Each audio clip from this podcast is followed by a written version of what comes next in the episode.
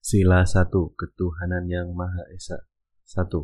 Bangsa Indonesia menyatakan kepercayaannya dan ketakwaannya terhadap Tuhan Yang Maha Esa. 2. Manusia Indonesia percaya dan takwa terhadap Tuhan Yang Maha Esa sesuai dengan agama dan kepercayaannya masing-masing menurut dasar kemanusiaan yang adil dan beradab. 3. Mengembangkan sikap hormat, menghormati, dan bekerja sama antar pemeluk agama dengan penganut kepercayaan yang berbeda-beda terhadap Tuhan Yang Maha Esa. 4. Membina kerukunan hidup di antara sesama umat beragama dan kepercayaan terhadap Tuhan Yang Maha Esa.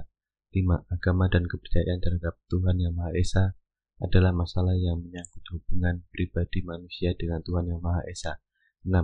Mengembangkan sikap saling menghormati kebebasan menjalankan ibadah sesuai dengan agama dan kepercayaan masing-masing.